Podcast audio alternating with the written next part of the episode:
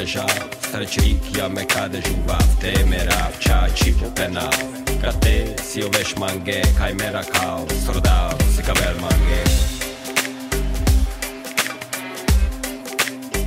E ca șpa me kamau Hai lende me jav Străceit ea me cade Te Temerav, cea ci pupenav Ca te si uveș mange Cai mera cal, srodav Se ca ver mange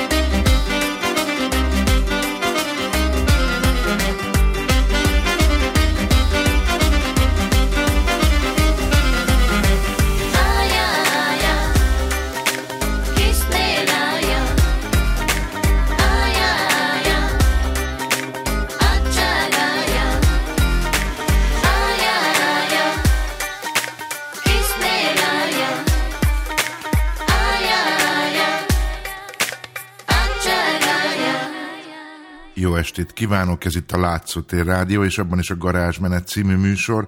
Én pedig Hegyi Zsolt vagyok, és folytatom Holdosi József Kányák című regényének felolvasását a negyedik résszel. 15. fejezet Kettesben a legjobb, szólt a fenyős, közel bújt a párjához. Hármasban is jó szólt egy másik, legalább látja az ember, hogy azok boldogok, és ez felmelegíti. Én amondó vagyok, hogy legjobb, ha sokan vagyunk együtt, dünnyögött az öreg fenyő. A szaporító ősök, a fiatalok, az unokák, nem mer kikezdeni velünk a szél, a vihar, a jég, a hó, már meg ne orroljatok rám, hogy ezt mondom. A csend is jó, az egyedüllét csendje, a magamra találás csendje, válaszolt Ernő. A könyörületet is meg kell, hogy tanulja az ember. Kihordozzas, egyszer valakinek vagy valakiknek visszaadja.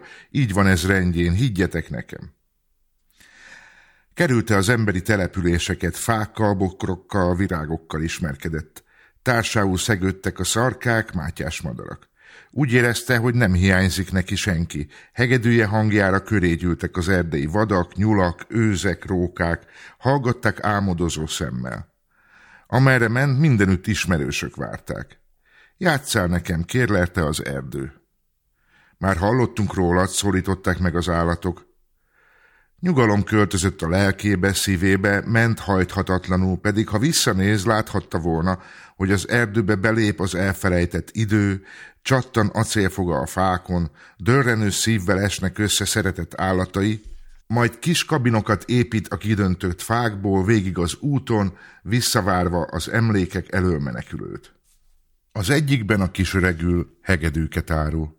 Ilyen hegedű játszott, ezen akarta megszólaltatni az ősi zenét. Vegyék csak, vegyék, ingyen van szinte, persze, pultalól drágább, ott van az igazi, a többi csak másolat, kéri vagy más szolgálok ki. A másik kabinban Mózes ül. Egy szilánka csodálatos köszörükből, amelyen Rumungó és Mózes néhány nap alatt egy háznyi pénzt keresett. Mózes vérével a kendő uraim és hölgyeim, tessék, tessék, Nézzük csak, mit árul a kocsmabeli cigány.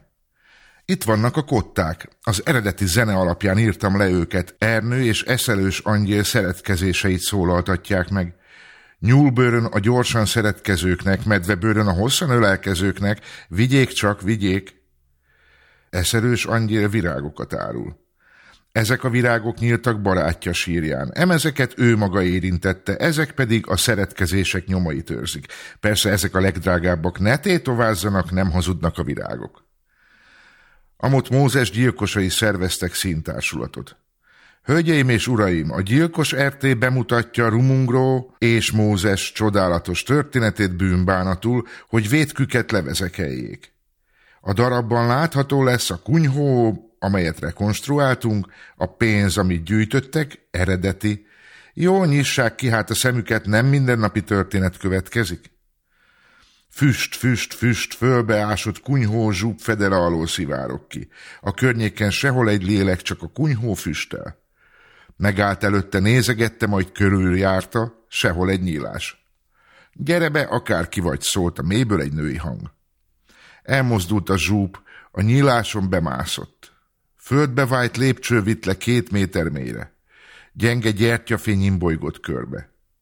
Ki vagy? állt fel az asszony. Csavargó, nincs otthonom, csak keresem, amiért elindultam.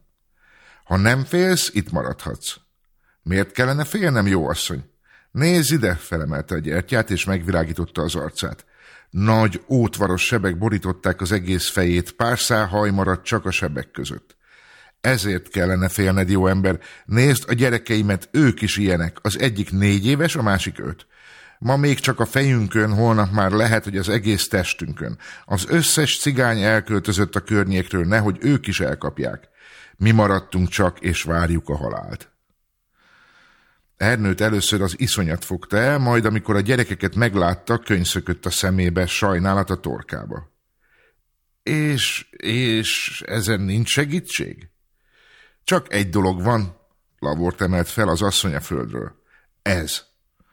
Beleszagolt. Hiszesz húgy? Mit akarsz ezzel?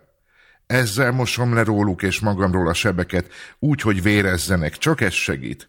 Előzi a bogarakat is, mióta megkaptuk a betegséget, ezrével jönnek. A föld alatt kell laknunk, nehogy megtámadjanak bennünket. Te éjjel jöttél, ilyenkor nyugszanak, de nappal még az eget is elhomályosítják hiszen a húgyjal megölöd magadat és a gyerekeidet is. Úgy is mindegy, az Isten keze büntetett ezzel a betegséggel. Miért? Hogyan kaptátok meg? Miért van ez? Nem törődtünk semmivel. A nyomor elvette az eszünket, messziről bűzlött tőlünk a környék. Engemet az unoka testvéremhez adtak feleségül. Amikor a gyerekeim és én megkaptuk ezt a betegséget, megjöttek a bogarak. A szerteszét heverő bűzlő szemétdombok és a testvér vér kiáltott értük. Hármunkat kerestek azonnal.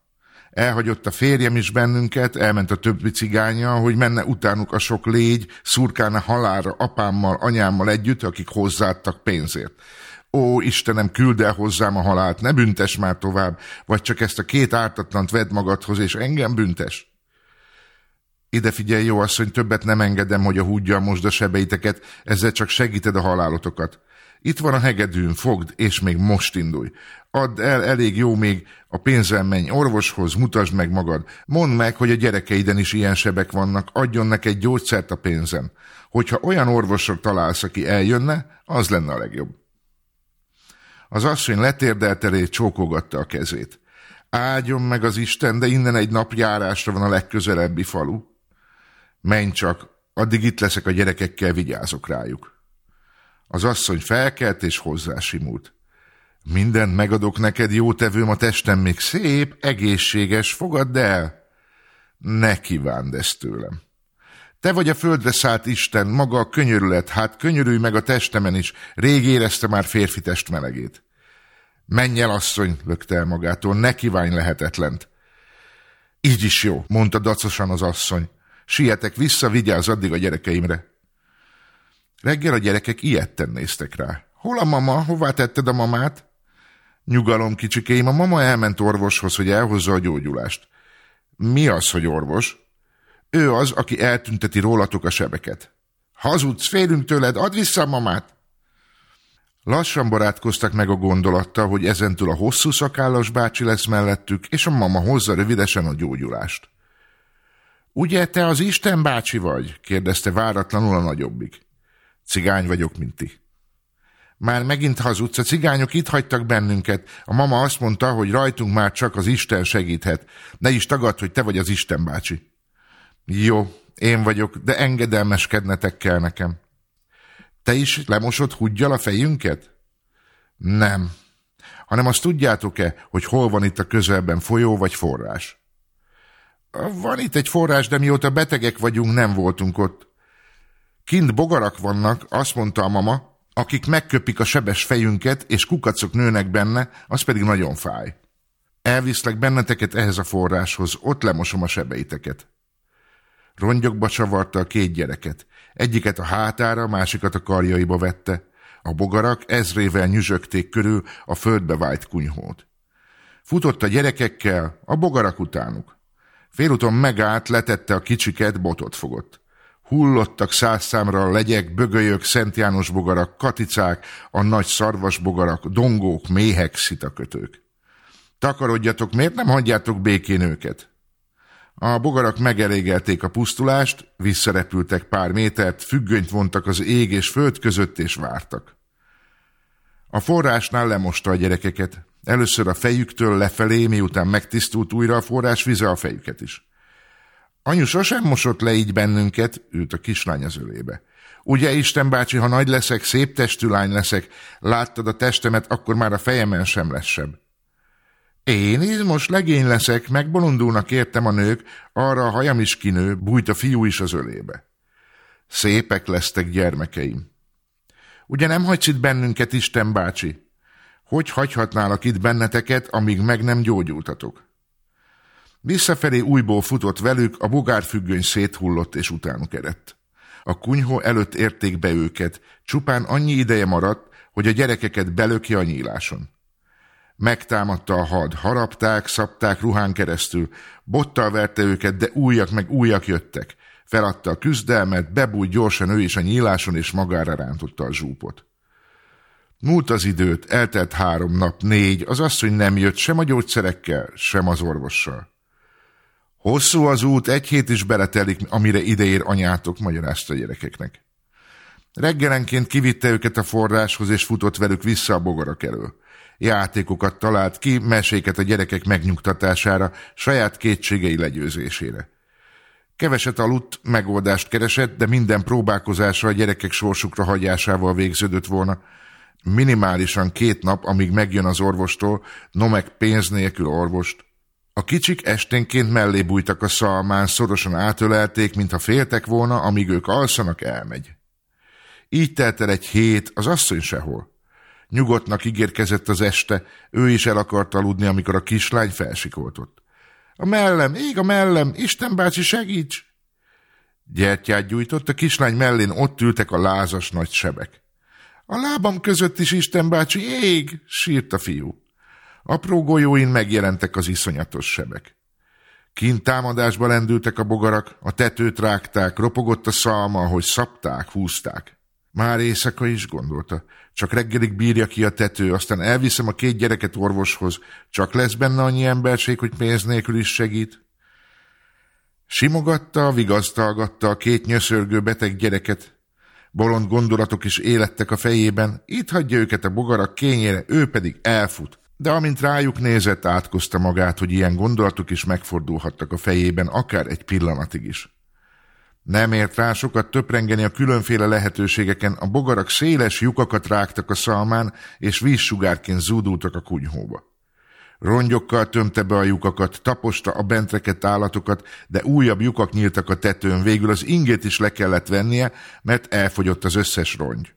Úgy látszott, a bogarak beletörődtek a vereségbe, csend támadt. Felsóhajtott. Megmenekültünk. Ekkor emelkedni kezdett a tető, szárnyak suhogtak. Felemelik a tetőt, kiáltott. A gyerekek sírva fakadtak. Isten bácsi, ne engedd nekik, ne engedd! Belekapaszkodott az emelkedő tetőbe, de a bogaraknak meg sem kottyant a csontá aszaródott ember, emelték a fedővel együtt. Belenyugodott a vereségbe. Vigyétek, de a gyerekeket nem kapjátok. Becsomagolta őket a lepedőbe, megvárta, amíg azok teljesen leemelik felőlük a zsúpokat. Kiugrott a két picivel, és futni kezdett. A bogarak leejtették a tetőt, és utánuk repültek. Pillanatok alatt beérték.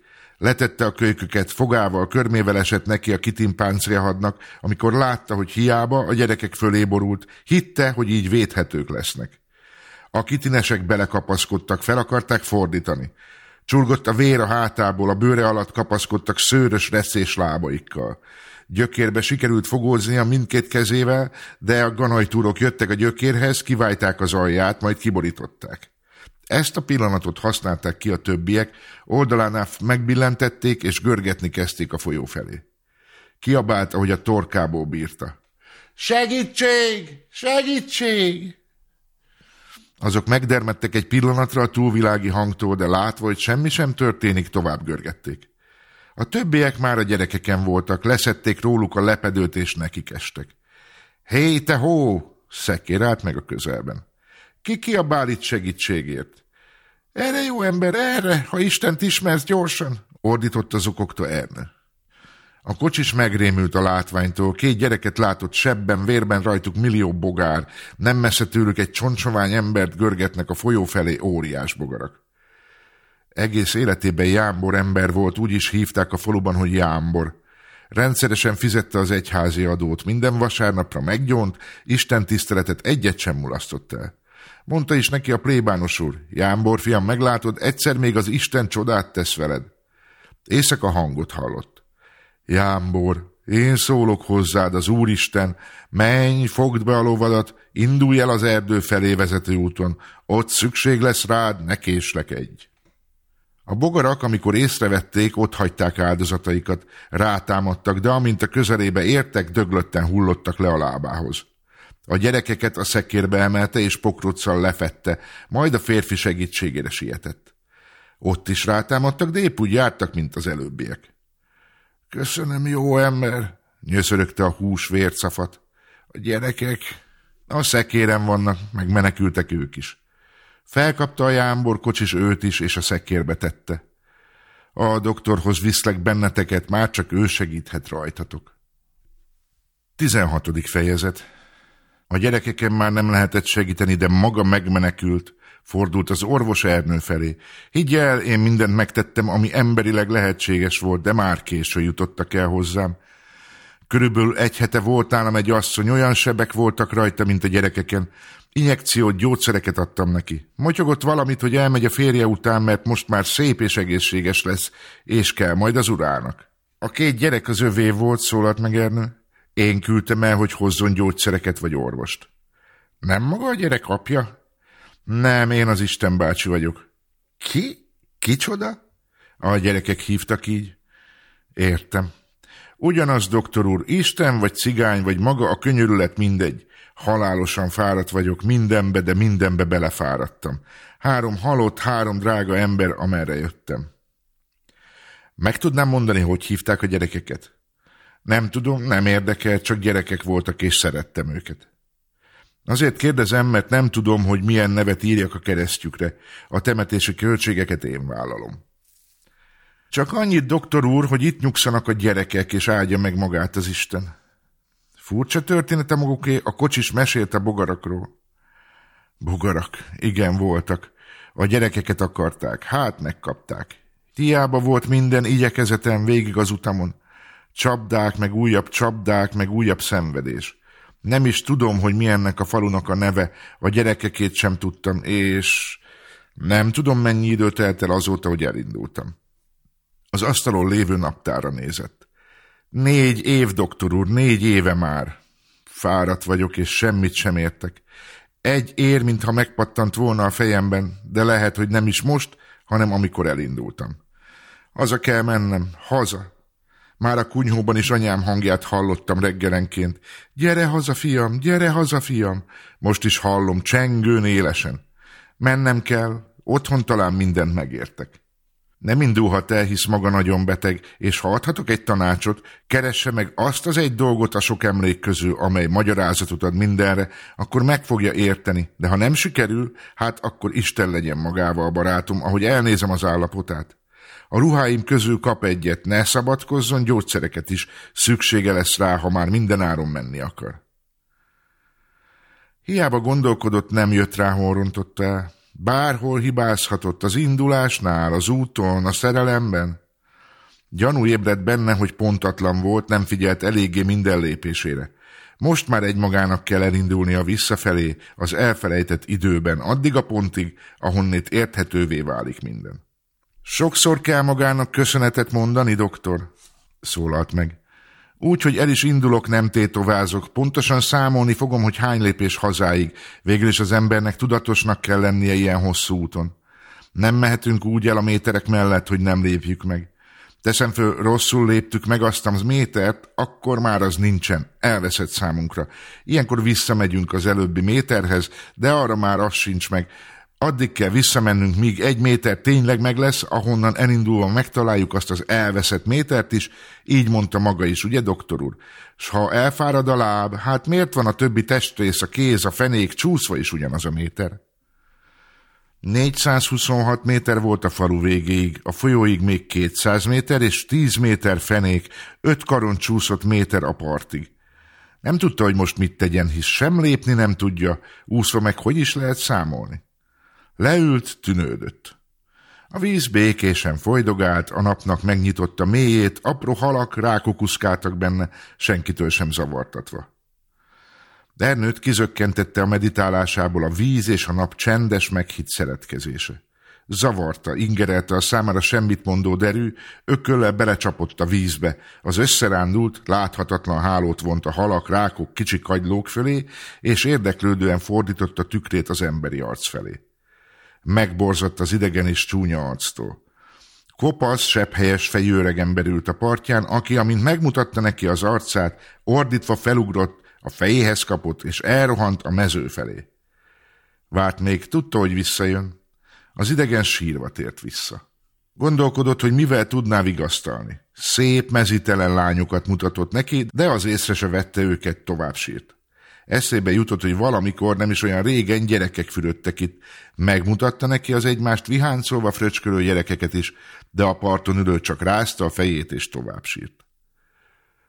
Talán szereti a kincseket, csillogásuk megbékíti, megszeridíti, gondolta, de ez a kísérlete is kudarcba fulladt. Éhes lehet talán, azért sír, de hogy mutassa meg neki azt, hogy halászhat benne? Valamikor már elég régen halászott itt két szép fiatalember. A férfi, amikor meglátta a másik kettőt, kinyújtotta a kezét a látomás felé, és hangosan zokogva hívta az egyiket. Mózes, gyere ki hozzám! Ilyen egyedül még sosem voltam ilyen becsapottan. Mózes, hallod? Nem, ez nem jó semmiképp, tűnődött a folyó. A naphoz fordult segítségért, az azt mondta, talán ha meglátja az anyját, az segíteni szokott, vigasztalóan hathat. Szomorú, apró öregasszony alakját hozták a hullámok. Nézték egymást. Az öregasszony egyre haszt hajtogatta. Gyere haza, fiam, ne késlekedj! Rossz itthon, a húgod itt hagyott bennünket, Péter bátyád a halálé, apádra sem számíthatok, félek egyedül. Kár volt, ilyet meg a folyó. Többet nem is érdemes mutatni, ez egyre rosszabb lesz. A férfi beregázolt a vízbe, felszakította a hálót a halak, rákok, kagylók fölött, a nap ilyetten hajolt a folyó fölé, hogy begyógyítsa a hirtelen támadt sebet. 17. fejezet Hazáig 100.500 lépés volt, 5261 csúszás, 213 kar. Volt úgy, hogy többször vissza kellett mennie, újra lépnie a métert, mert félt, hogy hibázik, körülbelül kétszázszor kellett visszalépnie. A csúszásoknál volt még probléma, mindenféle eldobott dolgok kerültek a feneke alá. Először végigcsúszott rajtuk, de rájött, ha ezek közelébe ér, pillanatnyi ösztönnel felkaphatja és maga mögé hajíthatja őket, de egy idő múlva újból ugyanazok a dolgok kerültek elé. Újabb cselteszelt ki ellenük, amikor közelükbe ért, felugrott és átlépte őket, de ez is zavaró volt, mert az összeadásnál nem tudta pontosan megvolt-e így az egy méter. Aztán kisütötte, hogy legjobb lesz, ha a zsebeibe rakja őket. Hamarosan megteltek újságpapírral, cigarettadobozokkal, konzervdobozokkal a zsebei. Talált egy spárgát, a nyakába kötötte, arra fűzte fel a talált dolgokat. Hamarosan az is tele lett. Úgy határozott, hogy ha már minden zsebe és a spárga is megtelt, 50 méterenként, gödrötás nekik és eltemeti őket. Néha emberek jöttek, megálltak, bámulták, röhögtek rajta, megdobálták. Különösebben nem zavarta, csak akkor lett dühös, ha megzavarták a számolásban. A gyerekekre nagyon haragudott, förtelmes ricsajt csináltak. Ilyenkor, ami a kezébe akadt, azzal szórta őket. Hallotta, hogy talált és sír a gyerek, de nem nézett vissza.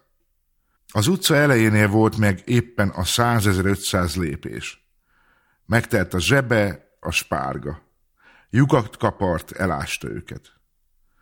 Kora reggel volt, Csóma szokásos körútját végezte. Mit csinálsz, cigány? dörmögött rá. Mik között hozzá? Szólt vissza, és ránézett a kérdezőre. Mindketten megdermedtek. Te a kánya fia vagy az Ernő? Megöregedtél. Csóma bácsi nyöszörögte. Itt volt a 100.500. lépés, eltemettem a dobozokat meg a papírdarabokat. Bolond vagy te cigány, hát az ősi cigányzene megvan-e? Nincs semmi, csak a lépések. Emberek, kiabálta Csóma. Megjött a kánya fia az Ernő. Gyertek, lássatok csodát, most temeti az ősi cigányzenét, hogy veszem meg minden büdös tetves cigány. Futott végig az utcán a hírrel. Ernő némán át az eltemetett dolgok fölött, s nézte a körés fereglő embereket. Szegény, hogy néz ki, beteg lehetett, sajnálkoztak az asszonyok. Bizony tönkrement, bizony, bizony. Az anyja futva jött, széttolta maga előtt az embereket, de amikor meglátta a fiát, összeesett. Ez nem az én szép fiam, miért csaptatok be, miért hazudtatok? Mama, én vagyok az Ernő, emelte föl a nyögdécselő asszonyt. Mama, hát nem ismer meg. A hangod az én fiamé, a szemed, simogatni kezdte az arcát, a nyakát. A fiam emberek neki volt ilyen gyenge húsú arca, nem bírta el még a borotvát sem. Ez az én fiam, csak most beteg, nagyon beteg. Az öreg Kánya és Jenő, a kisebbik fiú belekaroltak és elindultak haza. Az anya a híd előtt megállt. Köszönöm Istenem, hogy hazahoztad a fiamat, ha betegen megöregedve is. Kánya dünnyögött hozzá pár sort. Mert kellett neki az ősi zene, nem volt jó a cigány zene, hát ez lett belőle, megmutatta az Isten, hogy nekem volt igazam. Jenő rákiáltott. Fogja be a száját, papa! Az öreg ilyetten elhallgatott. Kányáné tyúkot vágott. Húslevest főzök, az kell a betegnek. Nem vagyok beteg, mama, higgyen nekem. Az asszony el sem mozdult a tűzhely mellől, és beszélt egy folytában. Péter meghalt, leesett a létráról a kápolnában. A gróf tisztességgel eltemette, de a mai napig nem volt hajlandó pénzt adni a munkájáért, így aztán öcsét keresetére vagyunk teljesen ráutalva. Napszámba jár a parasztházakhoz, mert apád bizony teljesen oda van, folyton a kútnál ül, már nem hívják sehová muzsikálni, mert ott is csak azt figyeli, hogy ki mennyit eszik, iszik. Így állunk, édes fiam, a húgod is elhagyott bennünket röviddel a bábi halála után. Mesélte volna már tovább, hogy eljusson magához, elviselhetetlen egyedül létéhez, de Ernő szó nélkül felállt, és lépéseit mérve elindult a szobája felé. Kettő és fél méter pontosan. Itt az ajtó mellett erős dalla mörködik, ez az. Az ajtón belül vannak a többiek, hát persze, és milyen sokan vannak, ha megnézzük egymástól hány lépésre helyezkednek el, akkor megtaláljuk a megoldást. Lássuk csak, innen a cisztől épp fél lépés a disz, lám amott egy fisz épp egy lépés, de mit akar itt megint ez a cisz? Folyton visszajön, és miért zavarsz? Nem tudom így felmérni, hányan vagytok és hány lépésre. Menj innen, érted? Megfoglak, a zsebembe teszlek. Hű, de nyálkás a tested. Remélem nem öltelek meg. Jó helyed van a zsebemben, mi? Tovább, tovább. Fájdalom, de ti nagyon sokan vagytok. Mit akartok? Miért ölitek egymást? Majd igazságot teszek köztetek. A fékevesztet megy a zsebembe, a többi pedig fél lépés, illetve egy lépés távolságra. Hé, hey, hová szöktök? A plafonba nem mehetek utánatok. Mit akartok a fejem körül? Gyertek le, drágáim, drága gyerekeim, gyertek le, vagy szétaprítalak benneteket. Látom a fenyítés használ, gyerünk a zsebembe. Tovább, tovább, ti engedelmesek vagytok, ennek örülök, de sajnos belőletek is a zsebembe kell tenni néhányat. Ne ficánkoljatok, mert csiklandos vagyok. Na, be is fejeztük a rendcsinálást. Lássuk csak előről. Összesen hány lépésre vagytok egymástól? Szép, lám, lám, pontosan 25 lépés. A papa hegedűjén lejátszuk ezt a 25 lépést, ti meg addig maradjatok nyugton a zsebemben. Istenem, mi ez a dal? Honnan ismerős? Mit mond? Hisz ismerem a szövegét is. La la la la la la. Késő minden kis öreg, eső után köpönyeg. Nem, nem igaz, nem akarom. Segítség a fejem, mama, itt belül valami, mama. A dallamok kiszabadultak a zsebéből, boldogan vették újra birtokukba a megszokott helyüket. Ernő kirohant a szobából, keresztül a konyhán ki az utcára és ordított. Segítség! Az agyam, jaj, a fejem, emberek, késő minden kisöreg, fogjatok meg segítség! Az ágyhoz kötözték, három nap múlva hagyta abba a kiabálást. Eloldozták a köteleit, senkit sem ismert meg. Elérakták az ennivalót, befalta, aztán csak rótta a métereit. Az útjából mindent el kellett rakni, fazekakat, poharakat akart zsebébe rakni, mivel nagyok voltak, ütötte, verte, hajlította, tömbé akarta gyúrni őket, hogy elférjenek a zsebében. Egyszer méterei útjába került az anyja is, elkezdte őt is hajlítgatni, lapítgatni, minden áron őt is a zsebébe akarta rakni. Napokra eltűnt, a szomszéd falvakig rótta a métereket, már mindenütt ismerték, kitértek az útjából. Néha eléhajítottak húst, süteményt, amit kivételesen nem tett a zsebébe, hanem megevett. Van a városban bolondok háza, oda kéne az ilyeneket vitetni, közveszélyes, suttogták. Amíg én élek, addig nem engedem a fiamat, mondta az öreg asszony. 18. fejezet Kányáné akkor érezte meg először az egyedül létszorítását a torkán, amikor a lánya elhagyta őket, aztán Péter halálát követően hidegleléssel jelentkezett, csak a bizakodás győzte le, hogy hazatér szeretett fia, Ernő. Most, hogy Ernő megbolondult, oda lett az utolsó reménye is. Próbálkozott beszélgetni az öreg kányával, de az lehurrogta, hogy csak fecseg, aztán ott is hagyta és ment a kútjához. Ez is meg fog bolondulni, gondolta. Az utóbbi napokban az öreg festeni kezdte az arcát piros kreppapírral, nagy piros foltokat két oldalra, a száját meg szinte a füléig húzta. Jenő, csapta össze a kezét, amikor először meglátta. Olyan vagy, mint egy bohóc. Elment az eszed. Fogd be a szád, Rozi, én a közös kút őrzője vagyok, ebből mindenki láthatja. Hiába sírt, könyörgött neki, hajthatatlan maradt. Az utcabeliek is megrémültek tőle, hogy nevettek, néhány nap múlva megszokták. Bolond család, nem lehet ezeken segíteni. Kikísérte reggelenként a kúthoz, hogy legalább addig se legyen egyedül, nézegette, hogy ül, találgatta, mit forgat a fejében, aztán elment a nyányihoz. Nyányi, ha ez így megy tovább, én is megbolondulok, nem tudom, mit csináljak. Ne törődj velük, végezd a magad dolgát. Mostanában sokat gondolok a lányságomra, mezőkre, amikor kint kapáltunk, daloltunk, az estékre, amikor vártam, hogy jöjjön ez a bolond ember. De szép is volt, Istenem, deli magas, izmos legény, de rég is volt. Bár csak magához venne a szép Szűz Mária. Eljön annak is az idejed, ne gondolj vele. Nem szeretek élni, becsapottnak érzem magam. Úgy beszélsz, mint egy csitri lány. Próbálj meg gondolkodni, mi segíthetne rajtad. Ha újra lány lehetnék, és a mező. El kell menned dolgozni. A gróf keres kapásokat.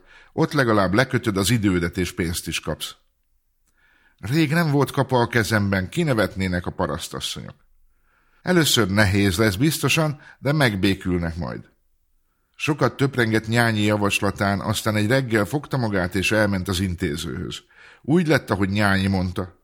Az asszonyok először gúnyolódtak, a kezét is feltörte a kapanyér, de egy hét múlva már együtt dalolt a többiekkel, segítettek neki, ha nem maradt a sorról. Jobb falatok kerültek az asztalra, ő maga is megnyugodott, csak Jenő, a kisebbik fiú korholta. Miért jár a mama a mezőre? Meghozom én, amit megfőzünk. Persze, amit elkártyázol, meg eliszol. Rajtam gúnyolódnak a legények, hogy maga keresi meg nekem a kenyeret. Te is eljárhatnál dolgozni a gróf keresnapszámosokat. Nem tudok én ott egy hétnél tovább dolgozni? Az intéző folyton a hátam mögött áll és ordít. Büdös cigány, nem ízlik a munka. Belevágtam egyszer már ököllel a pofájába, azóta nem merek a grófnál munkát kérni.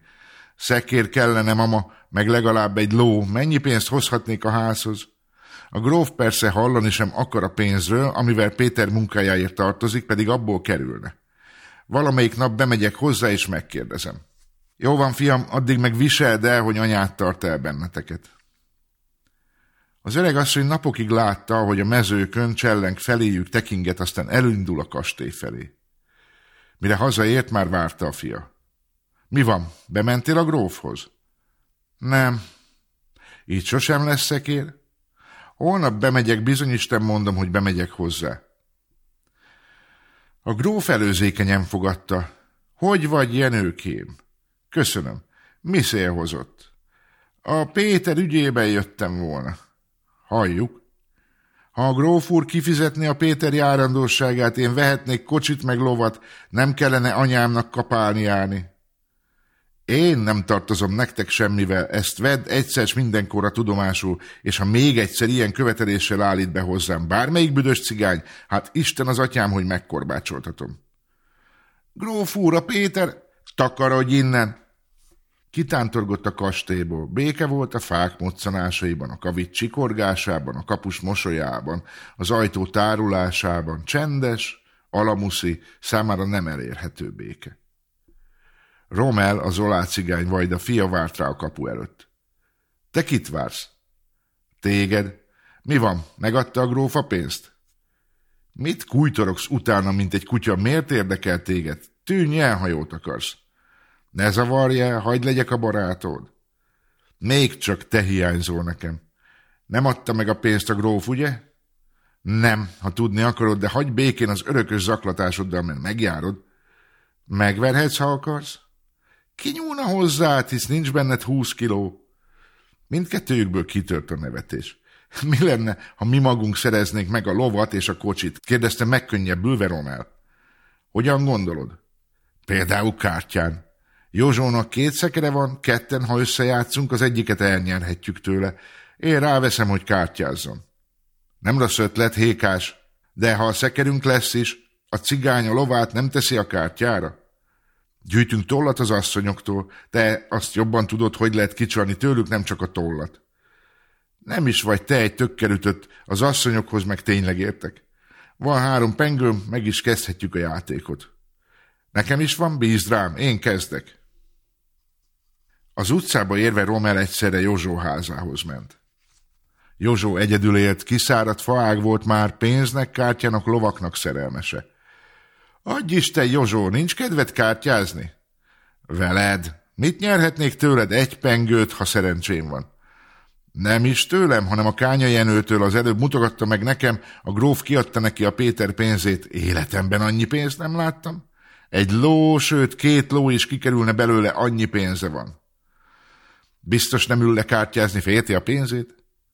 Bízd ide, leülünk ketten erre, ő is odajön, mert kártya nélkül nem élhet. Én majd segítek neked. Előbb engedem, hogy lefosszon, te is enged neki, hogy pár pengődet elvigye, utána majd jelzek neked. Fiú, te az emberem vagy. Erre inni kell, Józsó. Van egy kis pálinkám, így csak, Romel, a kányapénzből egy egész üveggel kapsz. Kiültek az egykori cigánydomb helyére. Romel osztotta a bankot. Ja, már türelmetlenkedett Józsó. Vár türelemmel, tégy úgy, mintha nem tudnád, mennyi pénze van. Jó van, csak már jönne. Jenő, mint aki mit sem sejt oldalgot feléjük. Hogy megy a lap, Józsó? Megyeget, ketten nem jó játszani, nem akarsz beszállni? Nincs pénzem? Nem kell ide sok pénz, csak a játék kedvéért. Nem bánom, csak a játék kedvéért. Józsó cinkosan kacsintott Romelre. Horogra akadt az aranyal?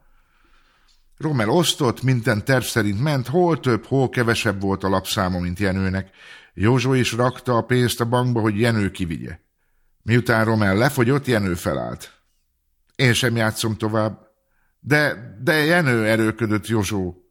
Töltsük el valamivel az időt, nem, Romel? Majd én osztom a bankot. Persze, persze, hagyta rá örömmel Romel, majd odaállt Jenő mögé. Először kis tétekben játszottak. Jenő sorra veszített, hagyta, hogy a fiú megsúgja ellenfelének a lapja számát. Józsó belelendült a játékba. Nagy tételben játszunk. Kapsz egy ászt, meg én is, minden játék a bankért megy. Romel most már hamis számokat súgott az öregnek, az pedig majdnem megőrült, amikor a súgás ellenére vesztett. Az összes pengője elfolyt tőle. Nincs több pénzem, krákokta. Lefosztottál. Hol tanultál meg ilyen jól játszani? Egy csendőr tanított meg, ha egyszer lesz idő, majd elmagyarázom, de most megyek, hisz nincs pénzed. Nem menj még, te játszunk természetben, mondjuk tyukokban. Tyukok kinek kellenek? Kacsák? Nem. Disznó? Nem. Igaz, nincs is disznó. A lovaimat nem adom, de van két szekerem, az egyiket felteszem. Visszanyerem a pénzem, és elnyerem a tiédet is. Mennyit teszel fel a szekeremért? Ami itt van a zsebemben. Az mennyi? Vedd elő. Annyit életedben se láttál. Romer odament Józsóhoz, és súgdosni kezdett a fülébe. Aha, értem, persze nem akarja megmutatni, de te vagy rá a tanul és ezek a cigányok, négy férfira mutatott, akik figyelték a játékukat, hogyha nyerek, a pénze az enyém lesz. Most Jenő osztott Józsókért lapot. Romel próbálkozott, hogy a közelébe jusson, de az öreg elzavarta. Tizenöt ezen meg kell állnod, dünnyögte magának. Nézte a négy embert, az egyiken világosan felismerte a makkászát. Ez te vagy bökött rá a kezében a lapra a másikban pedig a zöld alsót. Te is itt vagy a kezemben, ni csak szép a tök alsó, de a negyedik miért bujkál? Ő lesz a király, ne bujkálj királykám, de hát a királyok jellemző, hogy bujkálnak, úgy hallottam, bár nem látom pontosan. Kérek még egy lapot. Most már világosan látta, hogy nem a király bujkált előtte, hanem a piros kilences. Becsaptál, ugrott neki a bámészkodó férfinak. Te nem a piros király vagy, hanem a piros kilences. Oda a szép szekerem! Romel, Jenő és a négy férfi kigördítették a szekeret az udvarból. Végig futottak vele az utcán, gyerekek ültek fel rá, asszonyok virággal szórták meg. Éljen a Jenő szekere, éljen! Mire a kányaház udvarába értek, a négy férfi eltűnt. Hová lettek azok az emberek? kérdezte Jenő. Senki se tudott róluk, senki sem látta még az utcában se őket. 19. fejezet a szekér, a tündéri lelemény szerzeménye hónapokig állt az udvaron.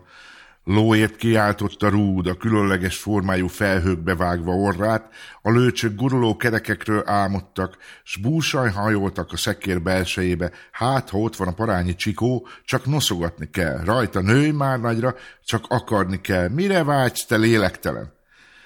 Nyikorgott a vágytól a legapróbb szegig az egész. Jenő hallotta ezt a keserves zenét, és amikor már elviselhetetlenné vált, Romellel a rúd elé fogták magukat, s végighúzták az utcán. Volt vigalom szálltak az álomlovak, prüszkölték ragacsos nyállal a bágyatak csillagokat, hogy fogadjon a drága mén rúd elé fogható.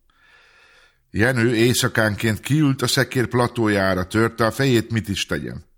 Folyton a ludakra gondolt a tollukra, amelyből ló lesz. Bolond gondolatai születtek, látta, hogy ludak röpítik a szekerét, és az utcán sziszegve néztek rá vissza a tömött tollat ereszteni nehezen akaró gunarak. Elment napszámos munkába, de egy hét után ott hagyta megint az intézővel gyűlt meg a baja, ha le nem fogják, agyonveri. A csendőrök kezét senki se fogta le. A lóért el kellett volna tűrnöd, ha meg is alázott, lecigányozott az intéző, magyarázta neki még aznap este a szekér platóján ülve Romel.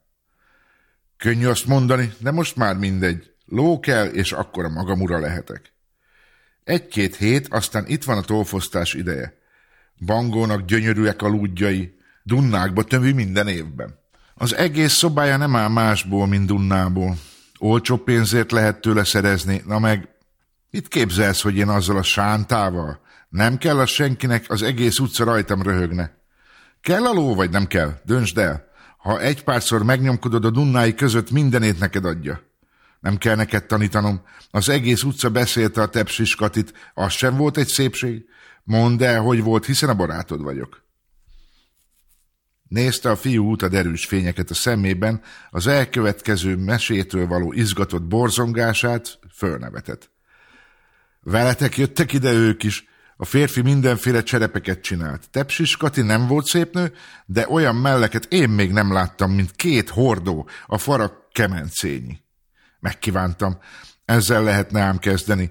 Hordócskáit szopogatni, kemencéjét markolásni.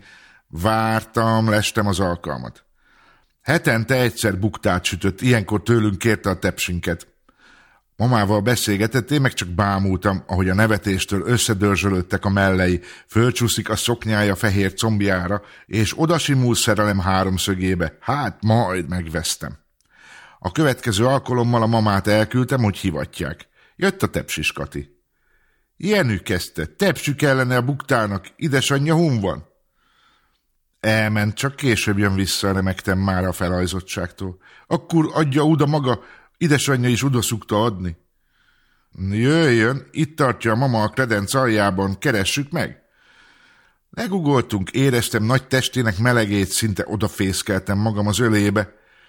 A tepsért együtt nyúltunk, a zörögve esett ki a földre, csúszott a szoba közepe felé, a lábommal még löktem is egyet rajta. A Kati utána kapott, picit megtaszítottam, zsupsz, bele a tepsibe. Beleszorult a nagy fara, mozdulni se tudott. Nekem sem kellett több rája. Nyomtam neki, ami kell, nyöszörgött. Jaj, Jenü, ezt nem szabad, Jenü! Épp végeztem, amikor bejött a mama. A Kati úsgyi föl, a tepsi a fenekére ragadva, a farán a tepsivel futott hazáig. Ezen nevetett az utca. Jó kedvük megjött a történettől, tervezgetni kezdtek, már jól benne jártak az éjszakában, amikor Romelnek új ötlete támadt. Amíg megkezdődnek a tolfosztások, csinálhatunk azért a ló érdekében valamit. No, menjünk el lopni. Képzeld el, minden este két csirke, a lószerszámok ára összejön belőle. Én még sose loptam. A lóért, Jenő, a lóért. Töprenget, próbált elhárítani magától a gondolatot, de már a csirkéket tyukokat számolt, hogy hány is hozhatja el hozzá a csillogó rószerszámot. Elindultak az egyik parasztház előtt, Romel megállt. Itt sok van, észre se veszik, ha egy-kettő eltűnik. Átmásztak a kerítésen, a fiú, mint a kígyó, nesztelenül csúszott az óhoz, Jenőnek nehezebben ment. Kifeszítettek egy deszkát, Romel benyúlt, szedte ki a tyukokat, már bent csavart egyet a nyakukon, s azok hang nélkül húltak Jenő elé. Ámulva nézte a növekvő halmot. Ügyes vagy. A kiszort tyúkalomban egyszer csak egy érce kinyitja a szemét. Lábra áll, kitekert nyakkal sétálni kezd. Ránéz Jenőre, kacsint neki.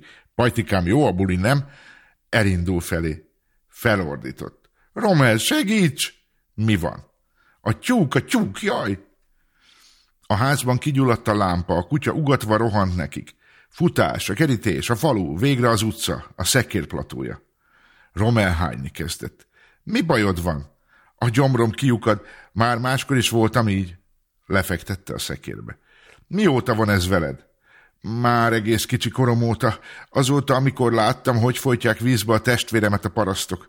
Nekem sikerült elfutni, de azóta megmaradt a hányás és a félelem hiszen olyan ügyesen lopsz, senki sem hinné el rólad, hogy félsz. Ha van valaki velem, akkor nem, de ha egyedül vagyok, félek. Nyányi azt mondja, mert tisztátalan a lelkem. A hat testvérem bűne és vére az én lelkemen vesz elégtételt. Gyerekkoromban láttam a halált is. Sötét volt, de én éreztem, hogy ott áll a sarokban, a sötétben is hallom a hangját. Itt vagyok a ház előtt, az ajtód előtt, csak hívnod kell, mert te az enyém vagy. Azóta félek a sötétben, félek egyedül. Nyányi megtanított a füvek titkára, a varázslatokra, de a halál legyőzésére ő se tud semmit. Bolond beszéd. Ha lesz lovunk és sok pénzt keresek, elviszlek orvoshoz a városba. Ott meggyógyítanak. 20. fejezet Kányáné a nyáron keresett pénzből összespórolta a télire valót is. Férjére nem számíthatott. Ernő hol otthon volt, hol nem. Neki is kellett juttatni valami ételt. Jenő csak a szekerével törődött és a lószerzéssel. Ritkán mozdult ki hazúról, üldögélt a tűzhely mellett, idézgette elmúlt éveit, férje és gyermekei sorsát. Újra meg újra eljutott addig a kérdésig, miért kellett ennek így történnie. Valami célja csak volt a sorsnak, de a válasz mindig elmaradt. Hol az elalvó tűz szakította meg, hol a lábába görcsált. Elfogyott a liszt, a zsír, amiért el kellett menni Palikóhoz, aki csorba helyett lett a cigánykereskedő. Hol Ernő erről kellett kitérnie, nehogy úgy járjon vele, mint először, Jenő kesergését kellett végighallgatni a ló miatt, hol az ura miatt, aki még most tévíz idején is kiszökött a kútra. Esténként meg tollat járt fosztani. Két hétig minden este bangónál fosztották a tollat. Nagyot nézett, amikor Jenő is megjelent. Mit akarhat itt, hiszen férfi ember nem szokott idejönni? Az meg csak leült szembe a bangóval, és meregette rá a szemét. Honnan vette ezt a kalapot, hisz sosem hordott? Mindig olyan büszke volt a szőke göndör hajára. Bangó meg csak irult, pirult, a tócsutkát a lefosztott toll közé szórta, aztán nagy zavarában felállt és pálinkával tért vissza. Így jön Jenő úr, egészségére. Köszönöm, kisasszony. Jenő úr, épp az én fiam, meg a bangó kisasszony, hisz lehet harminc éves, ha nem több már. Ezek aztán társalognak? Jenő csak ült-ült, nagyokat sóhajtozott. Bangó kezét nézte, az meg csak irult-pirult. Tíz óra körül a fia felállt, rákacsintott az egész fosztás alatt aprókat vinyantó hanára, az pedig vissza rá. Ezek összejátszanak. Alig, hogy elment, Hana rázendített. Szép legény ez a Jenő, nincs ilyen több az utcában, sőt az egész faluban. Mit nem adnék érte, ha én utánam járna? Bizony, bizony dupláztak rá az asszonyok. Rozi meg sem mert szólalni. Vajon miért jöhetett? kérdezte valaki. Inkább kiért? kérdezte vissza Honna. Bangó tűzpiros lett, kiszaladt a konyhába, megmosti hideg vízzel az arcát, hogy hűljön. Miért kell bolondot csinálni belőle? tört ki Roziból. Majd adok én ennek a tróger fiamnak? Hiába próbált beszélni a fiával, az csak hallgatott nagyokat, majd otthagyta. Esténként azonban újra meg újra megjelent a fosztáson. Ült és sóhajtozott epegedőn Bangó felé. Mi lesz ebből, úristen? Hana kettőjük között ült, hol az egyik fülébe sugdosott, hol a másiknak, hol az egyik pirult, hol a másik. Rozi nem bírta tovább, mivel a fiával semmire sem ment, Hanával próbálkozott. Ne izgassa magát, Rozi nénye, bízza csak a jenőre, meg lesz a ló. Meg lesz a ló, mi köze van ehhez Bangónak? Nem értette, Kezdett kételkedni abban is, hogy valaha gondolkodni is tudott. Ezek után még jobban figyelt fosztás közben, talán rájön a dolog nyitjára. Észrevette, hogy a fiának és bangónak a keze a székek alatt összekulcsolódik. Még képes lesz a szemérmetlen a házamba hozni ezt a sántát, de hogy lesz ebből ló, hiszen nem gazdag bangó, milyen is van ennek, csak nem ezt akarja a rúd elé fogni. Bolond likbó, bolond széfúr, hiába öregszem, hogyan is foghatná a rúd elé. Ezek után még jobban figyelt. A fia tíz óra után elment, pár perc múlva Bangónak is akadt dolga kint, WC, meg hogy vannak-e a csillagok. Ki akart menni utánuk, Hana útját állta. Ne menjen még nénye, ráér. Félre taszította a lányt, a fia a házfalának döntve nyomogatta, gyömöszölte a bangót. Visszatántorgott a szobába. Befejeződött a tolfosztás, tizenkét dunnára való gyűlt össze Bangónak, aki teljesen megváltozott, folyton nevetgélt, énekelt, meg olyan furcsán, bonyolultan, szinte pipiskedve beszélt. A dunnahúzatokba becsomagoljuk a csutkájától megfosztott tolpihét. Az asszonyokban bent szakadt a lélegzet. Honnan vesz ez ilyeneket? A sublót fiókban leltek rá a szerelmi levelezőre. Rozi beleolvasott. Faj, milyen rondaságok vannak ebben, innen tanul beszélni a mangó. Hallgatták, hallgatták, miket mond a sánta. A dunnákat szépen rendjén sorjában, miként a katonaságnál a díszmenetet lépkedő katonákat kell egymás fölé, pardon, egymás mellé helyezni, hogy érezhessék egymás szeretetének feléjük áramló boldog üdvözletét. A tolfosztó asszonyoknak is adott végezetül egy-egy párnára való tollat. A meghatottságtól szólalni is alig tudok, de fogadják szívem teljes melegéből egy csekély ajándékot fáradtságos munkájukért, amelyel egy méltatlanul szenvedő asszony sorsán enyhítettek. Köszönöm, köszönöm, köszönöm, és mindenkivel kezet szorított. Most voltak csak oda az asszonyok, hát még a Rozi, aki a legtöbb tollat kapta, s Bangó kétszer arcon is csókolta. Nem értem se, hogy nem értem, hogyan lesz ebből ló. A fiát kezdte jobban figyelni, alig telt el egy hét, megjelent nála Hana, pusmogtak, vigyorogtak, Jenő egész este cicomázta magát. Hová mész? kérdezte tőle. Valahová. A bangóhoz? Oda. Miért akarod tönkretenni? Semmi, köze hozzá. Ha elmész, az én házamba nem jössz többet? Várándítás volt a válasz. Úgy sem gondolja komolyan? De, halálosan. Nem érdekel? Becsapta maga mögött az ajtót. Rozi az urát nézte, aki magába roskattan üldögélt a tűz mellett. Hallod, Jenő, a fiad megy a bangóhoz. Az csak hallgatott. Rozi rázni kezdte, hogy bírta. Hallod, te kerekótya? Közben arra gondolt, hogy úgy sem tudja megtenni, hogy ne engedje be többé a fiát. Hát ennyi volt mára, két hét múlva folytatom. Minden jót nektek. Sziasztok!